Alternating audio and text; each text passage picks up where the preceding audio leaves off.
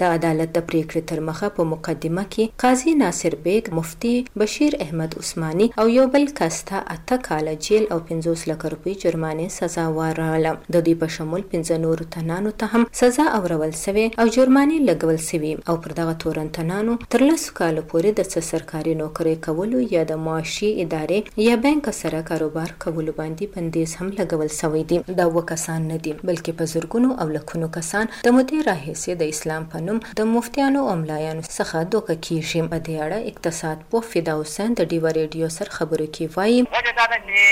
خلک ملیانو ته او یا دغه ته په بل نظر ګوري، بینکونو ته اوس هم داسې ډېر خلک شته چې هغوی ورته حرام وي، بیا د هغې نتیجه دغه راوخته، نو دا د خلکو لپاره لږ ان ایکسپیکټډ هم وه او ډېر زیات خلک په کنګال هم شول. په اسلام آباد کې د یو ځايي جومات خطیب عبدالقدوس وايي. المیہ یہ ہے کہ باقاعدہ طور پر ریاست کی سرپرستی میں لوگوں کو سود سے بچنے کے مواقع نہیں دیے جا سکے۔ المیہ دا ده چې په باقاعده توګه د ریاست په مشرۍ کې خلکو ته د سود څخه د بچ کېدو موقع نه دي ورکړې شوي، نو خلک په جعلسازي کې راګیر شي. مداربه په اسلامي توګه د سرمایه کارۍ یو اصول دی، یوازې سزاګانې ورکولو څخه څه نه کیږي، بلکې مداربه د قانون تر مخه د یو پروډکټ پر توګه پکار دی معرفي کړی شي، نو دغه شان د دغه جعلسازۍ څخه بچ کیدای شي. د وفاق المدارس مشر مولانا طاهر اشرفي د دغه شان خلکو د سختو سزاګانو غوښتنه کوي. بهت هی تکلیف دې عمل هې چې اسلام کې نام پې، دین کې نام پې، خا و تجارت کې نام پې،